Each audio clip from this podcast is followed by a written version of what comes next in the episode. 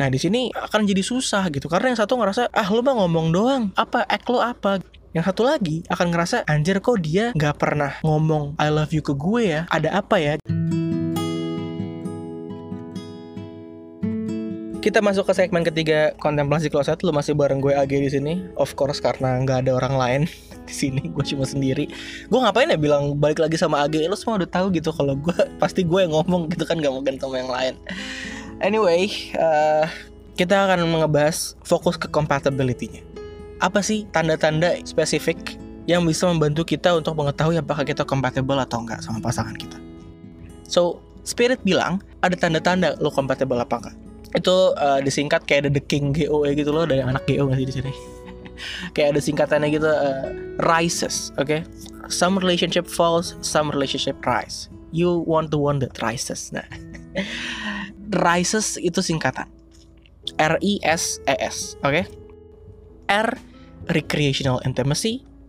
I adalah intellectual intimacy. S adalah spiritual intimacy. E emotional intimacy. Dan S yang terakhir adalah sexual intimacy. So rises is recreational, intellectual, spiritual, emotional, and sexual.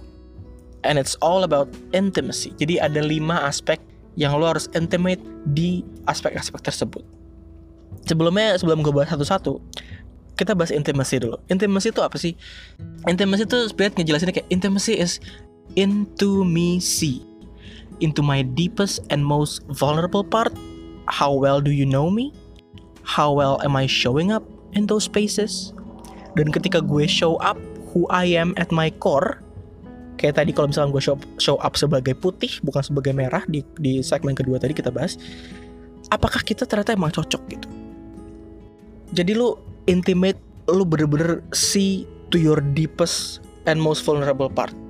Lu bisa saling lihat core self dari masing-masing lo dan pasangan lo. That's intimacy apa aja tadi aspek-aspeknya yang pertama gue bahas satu-satu yang pertama adalah recreational recreational di sini berarti ya rekreasi doing things together lo punya hobi yang sama punya ketertarikan yang sama same interest gitu ya Contohnya kalau misalkan yang satu sukanya oh jalan-jalan, ngebolang, berpetualang apa segala macem. Yang satu lagi sukanya Netflixan sambil ngemil, sambil tiduran di rumah, bench eating atau apalah. Nah, itu kan jadinya nabrak. Nah, that's why ini adalah salah satu aspek juga yang perlu dipertimbangkan. Yang kedua adalah intellectual intimacy. Intellectual itu tentang ngobrol. Apakah kita bisa uh, have conversation yang deep yang ngalor ngidul? Kalau kata Sujiwo Tejo kan tingkatan obrolan yang paling tinggi adalah obrolan yang ngalor ngidul. Apa kalau bisa ngalor ngidul, ngalor ngidul bareng dia gitu? Kalau yang satu kayak duh nih kenapa sih kok kita obrolannya berat banget? gitu. Atau duh kita ngapain sih ngobrol kayak gini? Kenapa kita nggak nonton film aja bareng well mungkin ada sesuatu yang perlu di adjust di sana oke okay? So R I S yang kedua, eh yang ketiga spiritual intimacy. Spiritual berarti gimana caranya lo memandang gimana dunia ini berjalan, gimana asal-usul kehidupan, gimana kita memandang diri kita dan memposisikan diri kita dalam alam semesta ini. How how does the world works? Atau jangan-jangan kalau kita sama dia kita malah makin nggak yakin sama apa yang selama ini kita yakinin gitu. Sama cara kita memandang hidup dan memandang alam gitu. Kalau kata spirit sih ya not necessarily have the same religion gitu. Yang penting gimana caranya memandang hal itu tadi gitu. Kalau misalkan sama-sama nggak mentingin religion sama-sama ya ya udahlah. Eh, agama itu semua sama aja. Kalau sama-sama kayak gitu ya mungkin kalian bisa bareng.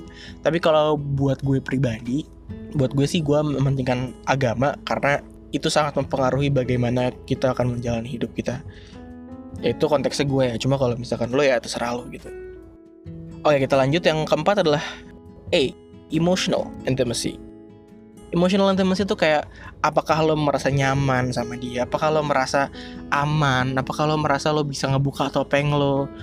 Apakah lo merasa hangat berada di sebelah dia? Atau atau lo lebih ke strong, lo lebih ke independent gitu. Lo lebih ke oh, tough love gitu kayak apa ya bukan tipe yang physical touch gitu kayak gue sih ngelihatnya yang gue tangkep ya dari penjelasan spirit lebih ke love language sih.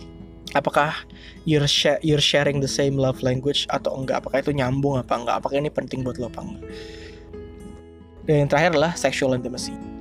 Do we like the same things? Do we light each other's fire apakah kita suka explore? Misalkan kalau misalkan dalam hubungan seks mungkin explore gaya-gaya atau misalkan explore lebih ke pengalaman dan oh pengen di tempat ini pengen di tempat itu pengen coba liburan ke sini liburan ke sana dan you know explore. Atau justru lebih ke yang konservatif. Frekuensinya seberapa sering dan seberapa lama tiap lo melakukan hubungan itu? Tentunya ini konteksnya kalau sudah menikah ya guys tapi ya itu itu penting juga gitu. Karena uh, I believe that it plays a big role dari keharmonisan rumah tangga juga your sexual life gitu.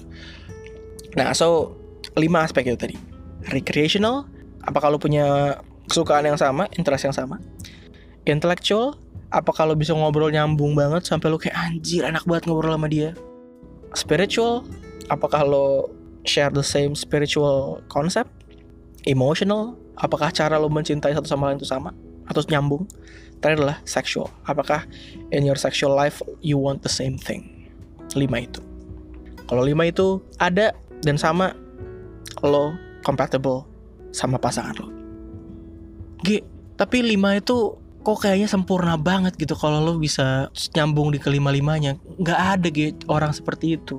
Lo nggak akan nemu G orang pasangan yang benar-benar sempurna di lima aspek itu nggak akan ada.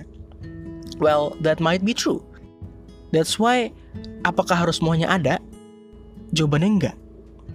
Jadi semua balik lagi based on needs tadi. Kalau lo emang ngerasa sama-sama butuh di aspek itu, misalkan, gue orangnya senang banget ngobrol sih dan gue gue percaya bahwa uh, kalau kata Radit kan dia percaya bahwa apa yang tersisa dari pernikahan itu ya obrolan pada akhirnya. Ini Radit Raditya Dika ya by the way. Karena kalau udah tua ya lo mau jalan-jalan bareng udah nggak bisa lo udah nggak punya energi lo mau cakep juga udah nggak bisa nggak cakep lo juga udah hilang gitu kan udah sama-sama keriput. Lo mau ngapa-ngapain udah nggak bisa gitu. Jadi yang tersisa ya hanya obrolan gitu.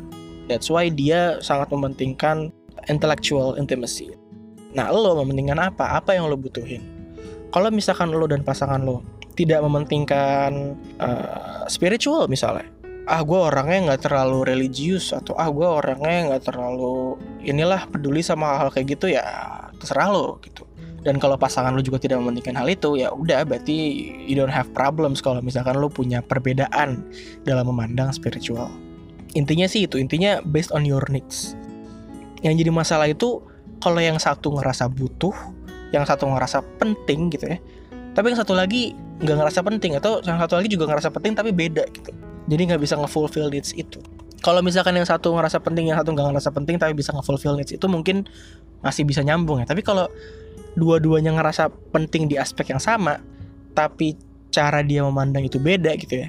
Kayak misalkan lo sama-sama mementingkan emotional intimacy tapi lo punya love language yang berbeda. By the way love language itu jadi ada lima bahasa cinta atau love language di bukunya Gary Chapman. Lo bisa ya lo bisa kayaknya ada di summary-nya di internet menarik banget menurut gue jadi love language itu tentang gimana sih caranya lo membahasakan rasa kasih sayang. Jadi ada lima. Yang gue inget itu aduh gue browsing aja deh gue lupa. Bentar ya. Sebentar ya guys. Aku lupa. Five love language. Sebentar. Five love language by Gary Chapman. Oke. Okay. eh, Nah, lo bisa buka fivelovelanguages.com itu ada lo bisa bahkan lo bisa ada kuisnya. By the way gue gue gue jelasin dulu ya love language-nya apa aja. Jadi love language itu ada wah ada iklan Natal. Orang Islam dikasih iklan Natal. Nggak bener nih Google emang. Menggoyahkan iman saya. Uh, ada lima. Yang pertama words of affirmation artinya lo seneng ketika pasangan lo bilang I love you, I miss you, gue sayang sama lo, gue nggak pernah ngerasain kasih sayang seperti yang gue terima dari lo dan segala macam words of affirmation. Lo butuh afirmasi, lo butuh mendengar kata-kata itu. Itu yang pertama. Yang kedua adalah acts of service. Acts of service berarti lo nggak begitu butuh dengar itu, lo nggak begitu butuh bullshit bullshit kata-kata I love you bla bla bla tapi mana actionnya? Lo lebih mementingkan action. Itu yang kedua. Yang ketiga receiving gifts. Lo seneng dapat hadiah. Atau sebaliknya mungkin lo seneng nyerprisein ketika pasangan lo ulang tahun ketika lo oh, lo merayakan banyak hal dan lo sering ngasih hadiah gitu ngasih kejutan. Yang keempat quality time. Lo mungkin gak gitu sering uh, ngasih hadiah. Lo mungkin gak begitu sering mengucapkan I love you bla bla bla tapi ketika lo sayang sama seorang ketika lo nyaman sama seorang lo mengekspresikannya dengan sering. Misalkan ngajak dia buat ngelakuin hal-hal yang lo suka bareng-bareng lo spend time with him with her together. Not necessarily doing something yang bener-bener wah banget. Kayak misalkan sesimpel lo main ke rumah dia terus misalkan masak bareng atau misalkan nonton film favorit lo bareng ya spend time together lah. Quality time. Dan yang kelima dan terakhir adalah physical touch memeluk, menyium, menyium mencium ya itulah pokoknya gandeng tangan apa ngerangkul physical touch. Dan ada orang-orang yang mengekspresikannya dengan cara ini. Nah, baik lagi ke emotional intimacy tadi dalam compatibility. Ketika ada satu apa ketika ada satu pasangan yang sama-sama mementingkan aspek emosional. Yang satu misalnya sukanya acts of service, tapi yang satu lagi sukanya love language-nya adalah words of affirmation. Dan gak ada yang mau kompromi satu sama lain. Gak ada yang mau saling mengerti satu sama lain. Nah di sini akan jadi susah gitu. Karena yang satu ngerasa ah lu mah ngomong doang. Tapi lu nggak pernah apa act lo apa gitu. Yang satu lagi akan ngerasa anjir kok dia nggak pernah ngomong I love you ke gue ya? Ada apa ya? gitu. Karena orang yang mempunyai satu bahasa love language itu biasanya mereka juga akan expect orang untuk mengkomunikasikan cintanya dengan bahasa yang sama gitu jadi contohnya, yang dominan di lo adalah words of affirmation. Lo adalah orang yang mengkomunikasikan dengan cara words of, affirmation. Maka, lo akan cenderung untuk mengekspek orang atau pasangan lo lebih spesifiknya untuk mengekspresikan rasa cintanya dengan bahasa yang sama. Kalau lo suka ngomong I love you ke pasangan lo, lo juga expect pasangan lo untuk ngomong hal yang sama gitu. Dan biasanya kalau orang yang belum tahu soal love language, dia akan salah mengartikan oh kalau misalkan orang nggak ngomong I love you berarti berarti dia nggak suka sama gue berarti dia nggak sesayang itu sama gue. At least dia nggak sesayang gue. Gue tidak menerima rasa cinta dengan mau yang sama dalam mau yang sama. Dia akan menyimpulkan hal-hal yang keliru gitu. Padahal enggak. Cuma cara penyampaiannya aja yang beda. Tapi besarnya rasa cintanya itu bisa jadi sama gitu Nah itu pentingnya untuk tahu love language masing-masing pasangan juga ya. By the way biasanya uh, kalau orang itu nggak bener-bener satu spesifik sih love language-nya. Kadang dari lima itu yang dominan itu biasanya uh, dua atau mungkin tiga.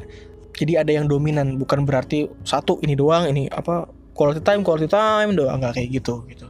Kalau misalkan you find this interesting, lo bisa your love language itu apa? Di fivelovelanguages.com itu di situ ada kuisnya. Kuisnya cukup pendek jadi lo bisa isi kuis itu. Lo juga bisa isi kuis itu sama pasangan lo. Jadi lo bisa tahu love language kalian satu sama lain. Nah itu soal love language.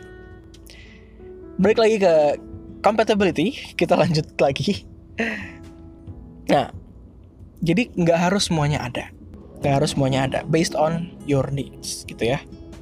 Jadi intinya diskusi aja gimana lo bisa mempertemukan kebutuhan itu gitu. Kayak tadi misalkan love language lo berbeda ya udah kompromi. Gue love language-nya A lo love language-nya B. Oke kalau gitu ketika lo melakukan B mulai sekarang gue sadar kalau oh itu sebenarnya lo lagi mengekspresikan uh, your feelings. Jadi gue juga akan memberikan B kepada lo. Dan sebaliknya karena love language gue A tolong juga berikan gue A juga gitu. Jadi apa ya? Ya intinya kompromi lah gitu. Jadi rises oke? Okay? gue ulang sekali lagi rises. Dan lima hal ini nggak bisa lo dapetin dalam sehari gitu. Bahkan dalam seminggu atau sebulan mungkin. Apalagi kalau dalam sebulan tuh lo pacarannya kayak cuma nonton terus kayak makan gak ngobrol. Well makan lo bisa ngobrol juga sih kalau misalkan makan. Tapi maksud gue adalah kayak apa ya lo harus bener-bener ngobrol gitu lo harus bener-bener cari tahu gitu. Karena itu tadi baik lagi tadi lo harus tembus topeng mereka. Karena most of the times mereka pasti pakai topeng. Either itu topeng yang untuk menutupi atau melindungi uh, their core self seperti kasus topeng merah dan putih tadi atau topeng yang dia pakai adalah topeng yang dia pikir kalau misalkan dia pakai topeng itu lo akan suka sama dia. Gitu. Sehingga yang lo lihat adalah perwujudan dari orang yang lo suka bukan their true self. Bahkan kalaupun lo seneng ngobrol berdua tergantung apa yang lo obrolin juga gitu kan. Kalau misalkan lo nggak nggak nggak dig deep soal hal-hal personal kayak tadi iya lu ngobrol tapi lu tetap nggak tahu dia ini orang yang seperti apa gitu. Kan tergantung obrolannya apa juga ya kan? Kalau misalkan yang ngelakuin itu cuma nonton bukan berarti nonton jelek ya. Itu kan ada bisa jadi you can share recreational intimacy juga baik lagi ke tadi gitu. Cuma bukan berarti yang kita lakukan tuh hanya itu aja gitu. Karena kalau kita ngelakuin itu aja nggak bisa lu kayak ah oh, gue seneng nih nonton sama dia ah oh, gue seneng nih makan bareng dia ah oh, gue seneng nih ngobrol sama dia gue seneng nih spend time sama dia. Berarti gue cocok nih nikah sama dia. Kan aspek dalam pernikahan gak cuma itu. Ada macam wow banyak masalah. Lo ma, lo kerja nyari duit lo nyekolahin anak lo ngedidik anak. Lo harus tahu gimana caranya dia ngadepin masalah lo harus tahu gimana caranya dia nge-treat people. Gimana pandangan dia terhadap hal-hal yang lo anggap esensial. Kalau misalkan lo kayak tadi misalnya soal duit soal agama soal pendidikan anak gimana masa lalu dia gitu. How they value money. Itu menurut gue penting juga tuh. Iya banyak hal-hal menyenangkan yang datang dari pernikahan tapi masalahnya menurut gue jauh lebih banyak gitu. Kayak ini aja pegawai BCG uh, pegawai BCG kan dikasih fasilitas banyak banget kan uh, Boston Consulting Group kalau yang nggak tahu. Temen gue ada yang anak BCG sehari dikasih uang makan gope men. Sehari gope gila mau makan apa lo dikasih transport tak silverbird apa apa gitu pokoknya fasilitasnya banyak banget men. Apa kalau bahagia lah di situ kalau misalkan ngeliat fasilitasnya doang gitu.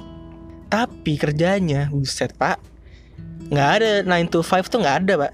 9 to 9 anjing bener-bener pak. Gue ngeliat temen gue kayak anjing capek banget tuh orang. Gila. Tapi ya ya itu gitu maksudnya kalau misalkan ada kebahagiaan tambahan udah pasti ada beban tambahan intinya itu sih